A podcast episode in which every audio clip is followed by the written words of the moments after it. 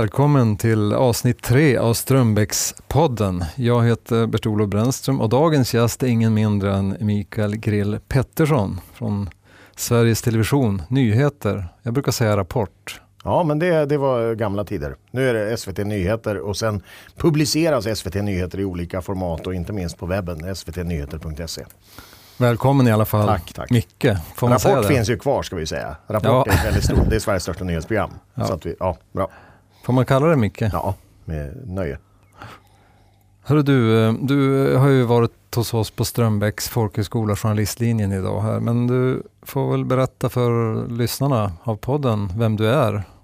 Ja, jag har jobbat som journalist i drygt 20 eh, år och eh, eh, har väl specialiserat mig. Jag jobbar på SVT sedan många år eh, Eh, och har väl specialiserat mig på det som brukar kallas för egen journalistik. Alltså egna granskningar, eh, att jaga egna nyheter, att eh, jobba mycket med liksom hur man hur man får fram grejer helt enkelt. Hur man hittar stories. Det är väl mitt specialområde. Och sen så har det varit mycket kring de senaste åren kring sociala medier och nätet. Webbresearch i allmänhet och sociala medier i synnerhet. Och det är ju det som vi har pratat om idag.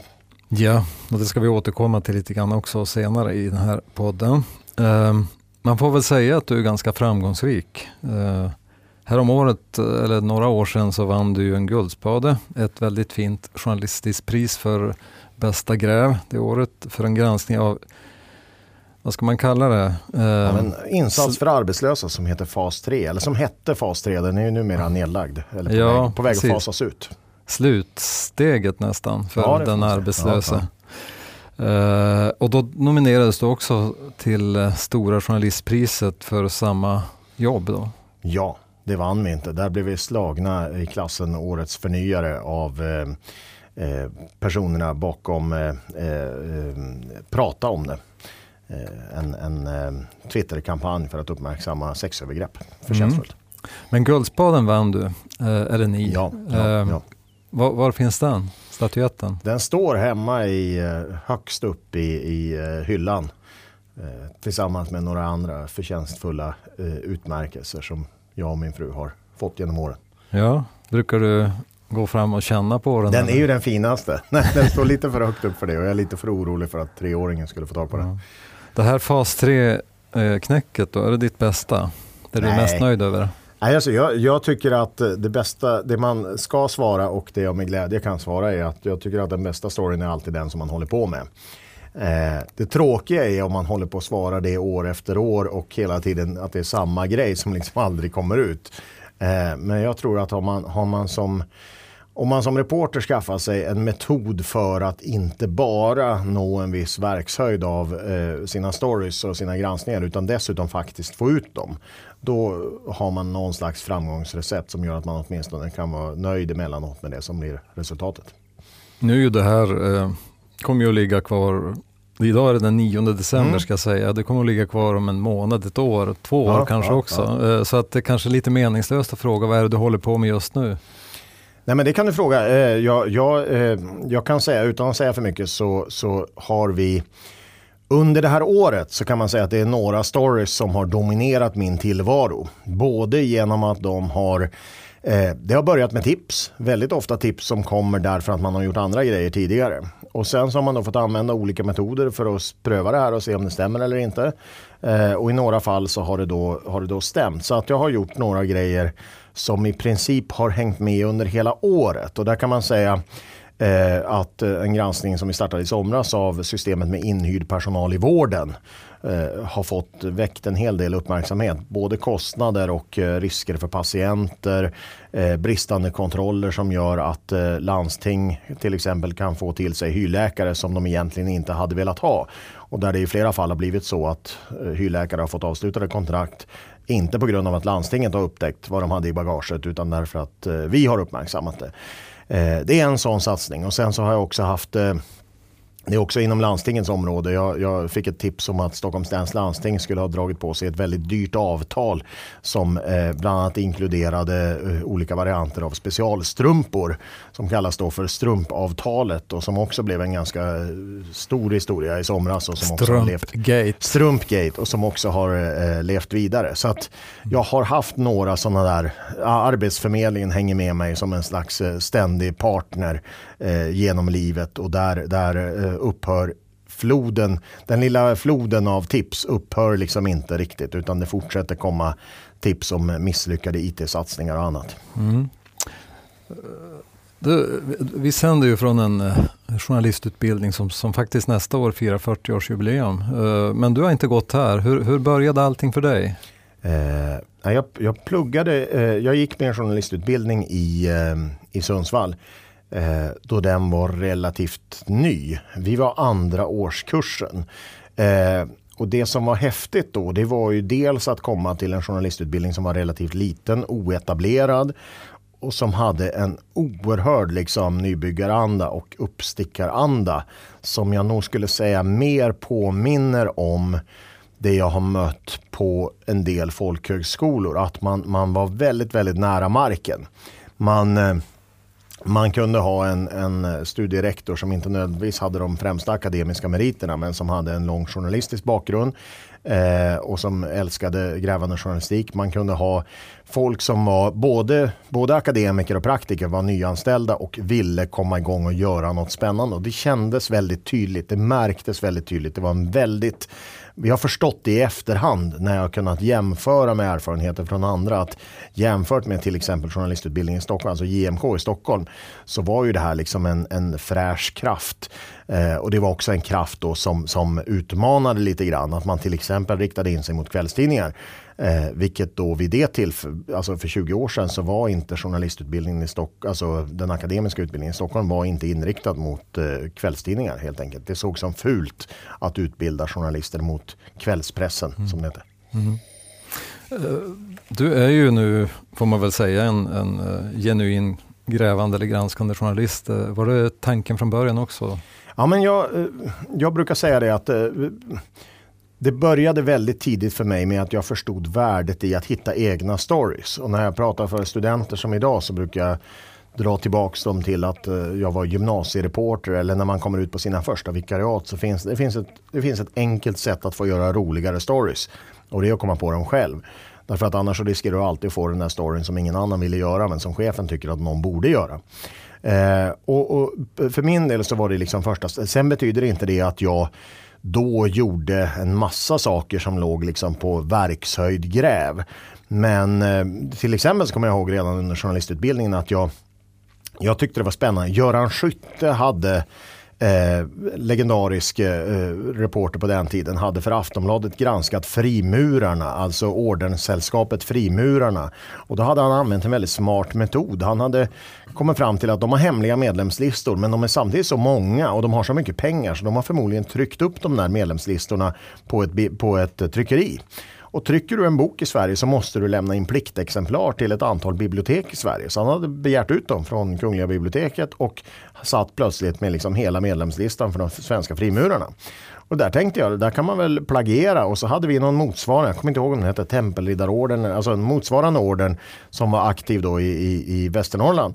Eh, och jag testade samma grepp och, och, kollade med biblioteket och fick hem medlemsmatrikeln och kunde börja ringa till kommunalråd och andra som blev väldigt, väldigt besvärade över att jag kände till att de var medlemmar i den orden och ställde frågor om konstiga ritualer med spjut och dödskallar eller vad, vad för någonting. Och där kan man ju säga att det var ju ett, det var ju ett sätt att tillämpa liksom en, en, en grävmetodik Eh, och använda ett tips som jag sen eh, gärna delar med mig av, nämligen att planka någon annans metod. Alltså metoder är, bra metoder är för bra för att inte upprepas. Och sen kan vi försöka att liksom tillämpa dem på ett nytt område eller som i det fallet på en ny organisation. Mm. Så det var tidigt sånt. Men, men, men sen kan man säga att jag har nog hela hela mitt yrkesliv pendlat lite mellan. Eh, jag gillar den raka nyhetsjakten också. Jag har inga problem med att om det eh, faller ner ett flygplan utanför fönstret eller om det, jag får ett tips om att någonting ska hända imorgon så springer jag jättegärna bort till desken och säger att det här måste vi ha ut nu. Så jag, har inte ett, ett jag behöver inte sitta i tre månader i en liten kupa med, med 200 Excel-filer enbart. Och idag har det ju varit eh, träffat mina studenter här på journalistlinjen på Strömbäck utanför Umeå för att prata om sociala medier och hur man kan använda de här då för, för att göra ett bra journalistiskt jobb. Då. Och, och det var väldigt uppskattat av studenterna som jag förstår. Eh, en gammal stöt som jag blir mest liksom förvirrad och, och, och förbryllad över allt. Och, eh, men vad, vad, säger du, måste dagens journalister kunna det här för att eh, det är lite, jobb? Det är lite som att ställa frågan när, när, när vi på 90-talet satt på redaktionen på Tvärsnytt eller på, på Mittnytt som nu var min första SVT-arbetsplats i Sundsvall och så var det då, ja, vi har en internetdator och det är det grafikern som vet hur man kommer ut på internet på. Och så var det en redigerare som visade mig, har du sett här, har, du har också en sån här mobiltelefon va?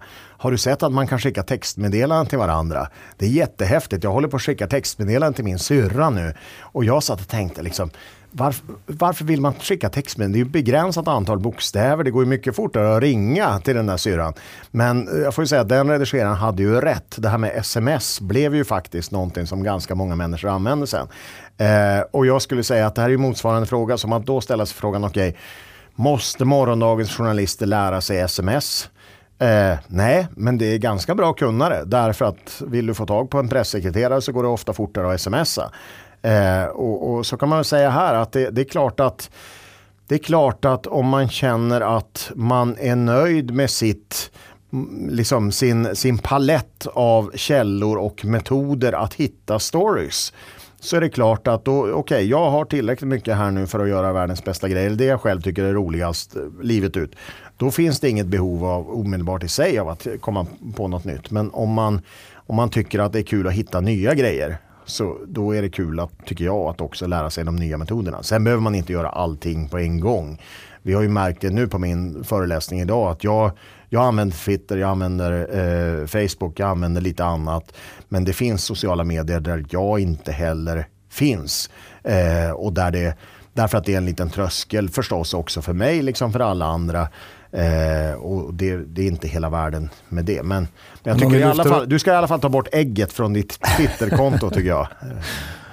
Jag tror vi lämnar den diskussionen. Men om vi säger så här då, att på en redaktion så bör det finnas folk som också eh, kan använda de senaste tekniska... Ja men så kan man säga. Där har vi sett en utveckling. Eh, att eh, för, för sju, åtta år sedan då kom sådana som jag till redaktionen och eh, det var, det, det, jag kanske var inbjuden som föreläsare. Chefen förstod inte riktigt varför man hade bjudit in mig. De flesta i lokalen förstod inte riktigt varför man hade bjudit in mig. Det satt någon 23-årig vikarie som visste vad sociala medier var överhuvudtaget. Eh, idag har ju det där svängt så att chefen är ju väldigt på. Chefen har förmodligen anställt tre stycken 23-åringar som ska sköta de sociala medierna på redaktionen. Eh, och det, det undantaget är de där eh, farbröderna som sitter längst bak och eh, vägrar. Och sen kan jag väl tycka att i ett, i ett sånt medielandskap då är i alla fall jag tillräckligt mycket motvalls för att känna en viss sympati för de här liksom Facebook-vägrarna. Det, det, är, det är inte dumt med folk som envisas med att eh, hålla på de, de klassiska metoderna också. Så länge de nu gör någonting annat. Jag brukar säga så här, visst om du går ut på stan och träffar folk och liksom eh, umgås med människorna i ditt bevakningsområde och på det sättet får massor med kontakter och spännande berättelser och gör en insats som journalist i ditt område, då är väl det helt suveränt. Eh, det jag säger är att de dagar som du ändå sitter inne på redaktionen så har du en möjlighet att både nå fler personer själv och få mer och intressantare input genom att öka den här paletten genom att inte bara sitta och surfa i flödet av TT-notiser. Mm. Du verkar så himla generös, Micke. Liksom, både med vad du själv kan och gör men också genom att hela tiden hylla andras jobb. Jag är ju kompis med dig på Facebook och ser hur du hela tiden lyfter fram andra kollegor. Då. Var får du all den här energin från? Ja, men det är nog, jag, är nog, jag är inte så riktigt så generös för jag är, jag är ganska hård i mina val av vad jag hyllar och vilka jag hyllar. Det är, i, i princip så kan man säga att jag, jag eh, eh, många av de som jag hyllar råkar vara mina kompisar, men jag hyllar också folk som inte är mina. Och jag hyllar, när jag hyllar på riktigt så gör jag det därför att jag ser en, det är ofta metoden som jag eh, tycker är det, det avgörande. Alltså jag kan, eh, en lyckträff kan vem som helst av oss få. Vem som helst kan råka vara den som är på redaktionen när det smäller det är ett förtjänstfullt arbete, det kan göras mer eller mindre bra. Men att se att någon verkligen har lagt tid på att ta reda på det här på ett sätt som krävde lite tanke med också hur man tog reda på det. Och man förstår att vederbörande kanske till och med har fått brottas lite på den egna redaktionen eller så för att få göra det. Det tycker jag är det det, det, är nog det högsta eh, journalistiska värdet för mig. För då, då är det inte bara att man råkade vara på rätt plats vid rätt tillfälle. Mm. Om du som, är, eh, du som lyssnar på det här är journalist, då, då har du förmodligen stött på den här underbara sajten som du, du har varit medskapare till, journalisttips.se. Annars, gå in på den för att där hittar du massor med bra tips och, och idéer på hur du ska bli en bättre journalist. Hur kom den idén fram? Det var faktiskt, där ska jag credda min gode vän och eh, medskapare Backa Elias Bonpe som eh, eh, föreslog för mig eh, augusti för fyra år sedan att är det inte dags att vi, vi gör den här bloggen nu? Och då hade jag, jag hade letat, jag hade föreläst en hel del och jag hade, jag hade letat efter ett forum för att inte behöva liksom göra kompletta instruktioner varje gång jag föreläste. Alltså om man som idag pratar om ett verktyg som Facebook Graph som är ett speciellt söksätt på Facebook som man kan ha väldigt stor nytta av som journalist. Så istället för att behöva ägna en timme åt att förklara varje liten del av det, att då kunna hänvisa till att här finns det en bra bloggpost med alla länkar. Eh, så det sökte jag efter och Elias eh, var också väldigt på. Han ville väldigt gärna skriva av sig om de tips som han hade fått med sig framförallt eh, från sin eh, tid som, han är en fantastisk tv-berättare, jobbar numera på SVT Skåne och eh, är en stor, bra tv-berättare och har väldigt många råd som då kom från lite an ett annat håll. Han är lite mer nörd än vad jag är. Han är lite mer tv-orienterad än vad jag är.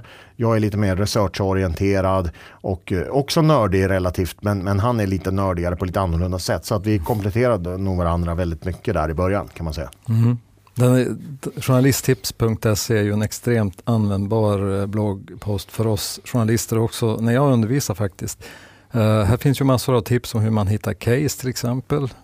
Alltså personer som har drabbats eller berörts av det man just då granskar hur man hittar polisanmälningar och massa, massa annat. Vet, vet, ja, vi, du, ja. vet du hur den här används?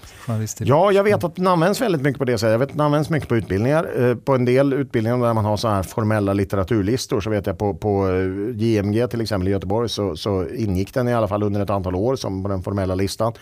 Eh, jag vet att den, den används av, av andra journalistutbildare eh, som, som gärna tar upp det. Jag vet att den används ute på redaktionerna.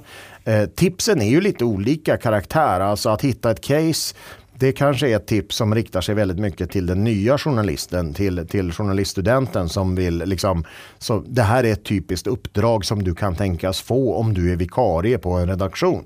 Medan andra typer av tips kan vara väldigt, väldigt nördigt orienterade mot att det här speciella tekniska problemet har jag nu funnit en lösning på. Då vet jag att det kanske är jag och fem andra personer i hela Sverige som överhuvudtaget har tyckt att det här har varit ett problem.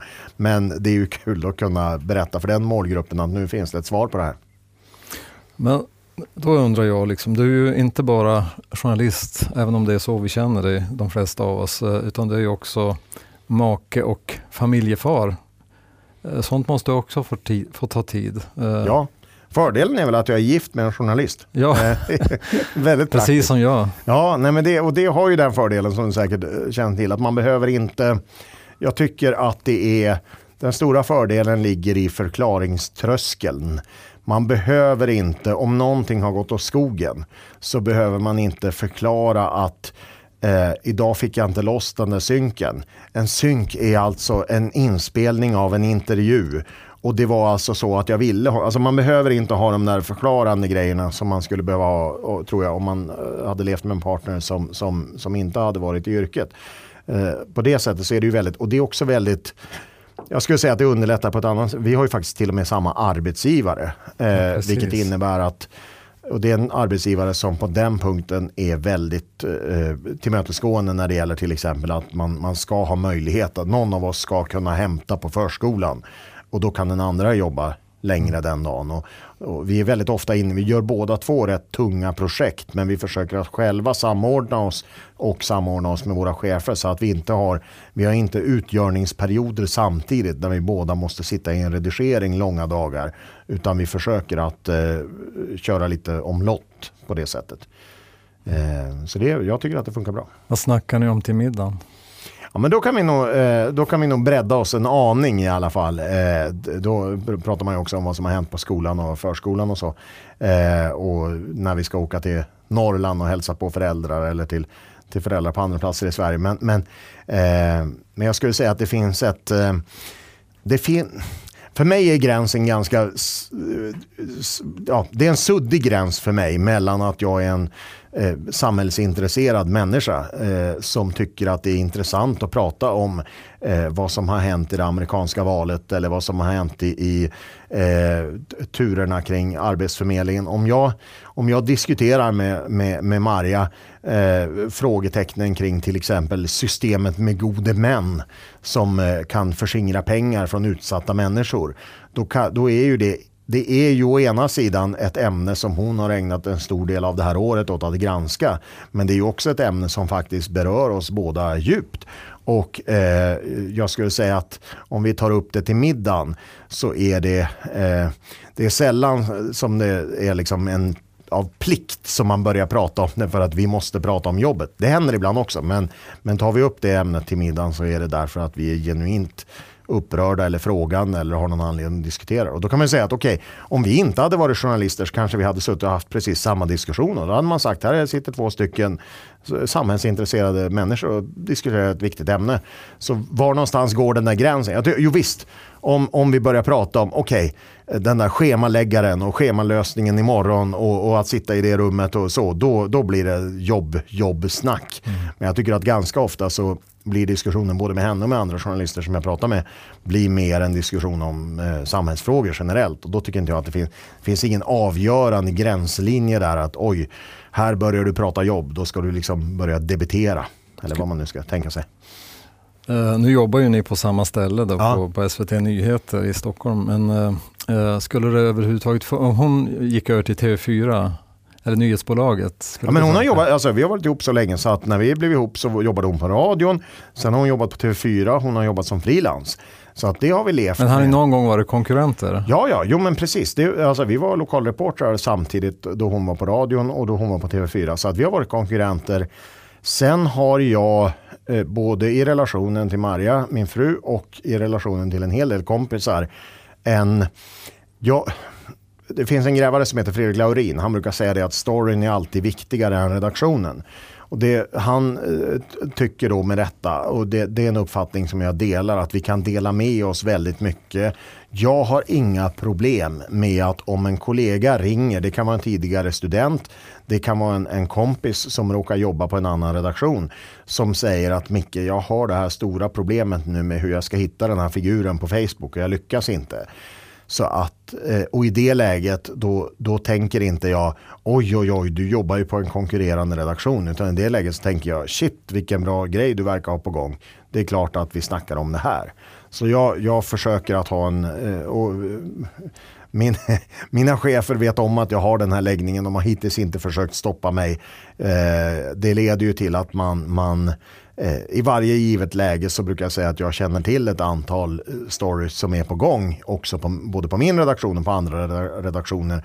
Men jag är ju en, jag är en tillräckligt bra kompis. Eller i det fallet så var jag ju en tillräckligt bra pojkvän för att liksom inte springa iväg med det. Utan jag tycker att vi ska kunna, vi ska kunna samarbeta och hjälpa varandra.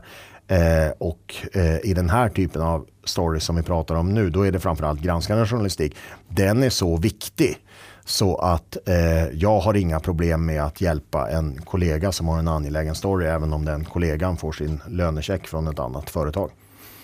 Jag tänkte just komma in på det lite grann om hur, hur vi journalister i Sverige sköter oss när det gäller det här viktiga uppdraget, den granskande journalistiken. Att undersöka och avslöja. För det är ju ganska tuffa tider i mediebranschen nu. Ja, det är det. Hur tycker du att vi sköter oss? Nej, men jag tycker att det, alltså, när vi samlas på grävseminariet eh, en gång om året, grävande journalister, där, där brukar vi ju med rätta påpeka att oj, det gjordes ju jättemånga jättebra gräv i år igen. Eh, och, och, jag, och så kommer det nog att fortsätta vara. Sen tror jag i och för sig att det jag är rädd för, en utveckling som jag eh, kan se både inom mitt eget företag och andras, det är att de där gräven blir en, en, eh, en mer exklusiv verksamhet. Eh, och att de där, den där eh, dagsbevakningen blir mer och mer snabb och live och eh, vi springer ut med uppgiften innan vi har hunnit kontrollera den. Alltså det som är baksidan av, jag älskar ju livejournalistik, jag tycker att det är superhäftigt att få en flash om att någonting har hänt.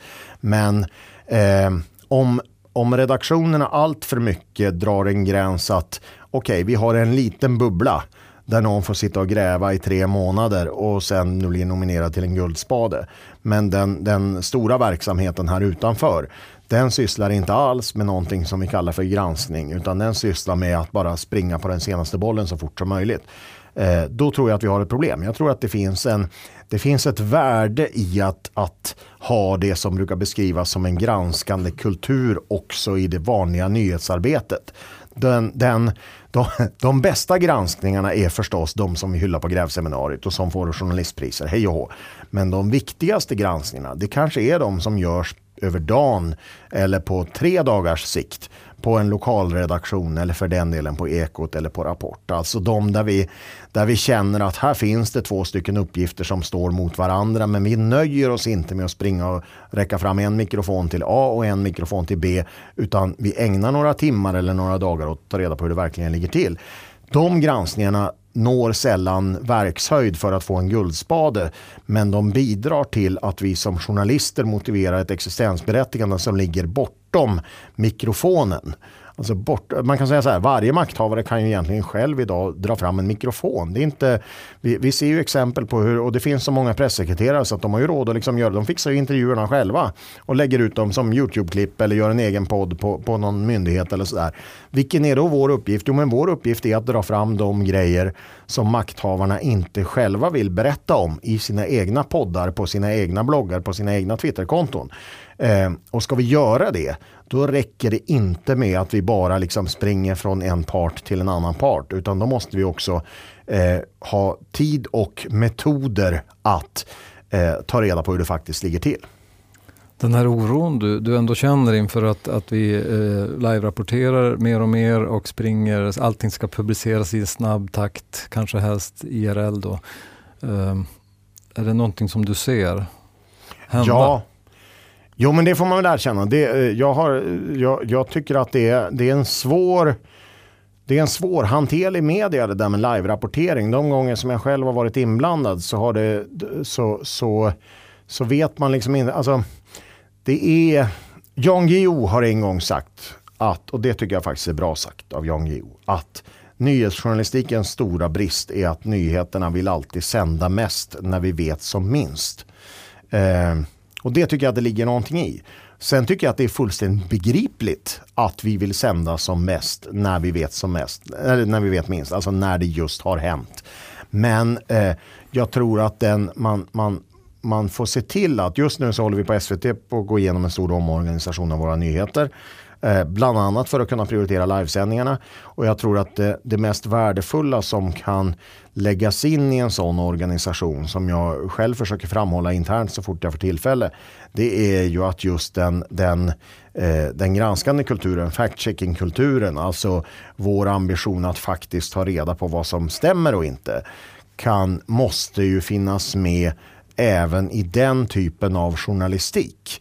Eh, en sån enkel sak som att när vi skapar ett system för att när man kastas in i en livesändning som reporter i ett ämne som man inte har koll på så ska någon ha förberett så att det finns liksom okej okay, det här är de trovärdiga källorna inom den här delen av världen. Det här är eh, engelskspråkiga bra källor inom den, det här området. Alltså den typen av förberedelsearbete som jag tror och jag vet att det pågår utveckling kring det inom mitt eget företag. Jag tror att det pågår inom andra företag också. Därför att jag tror att det den här liveströmmen och pushströmmen. Att, att eh, om man har de vanliga svenska medieapparna så, så får man ju väldigt många pushar hela tiden.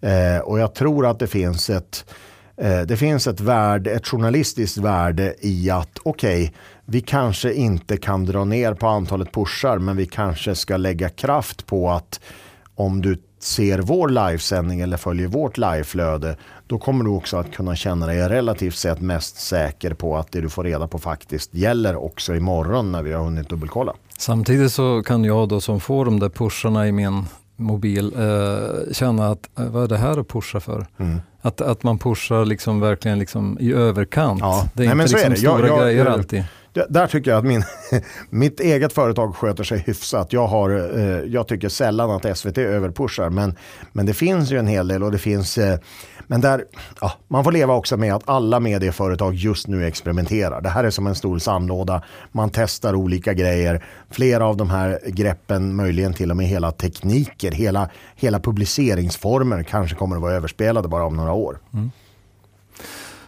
Tiden går fort. Ja, den gör det. Nu har vi kört en halvtimme. Jag tror att vi, vi ska avrunda. Eh, det var väldigt intressant. Jag ska bara ställa den sista frågan som ja. jag brukar ställa när jag gör intervjuer. Det här var ju mer ett samtal. Har jag glömt något väldigt viktigt som du vill säga innan vi avslutar?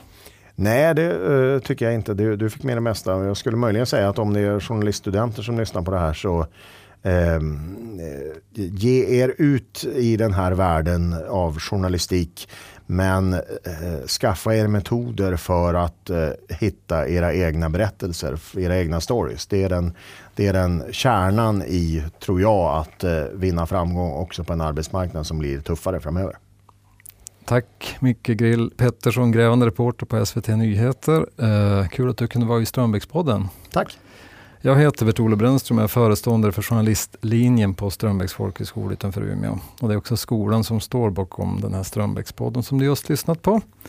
Vem du kan få höra i nästa avsnitt är inte riktigt klart än. Det kommer ju en massa ledigheter nu i och med jul och nyår och sånt. Så vi tar helt enkelt lite paus till nästa år. Men håll ögon och öron öppna. Vi är snart tillbaka med nya intressanta gäster. På återhörande.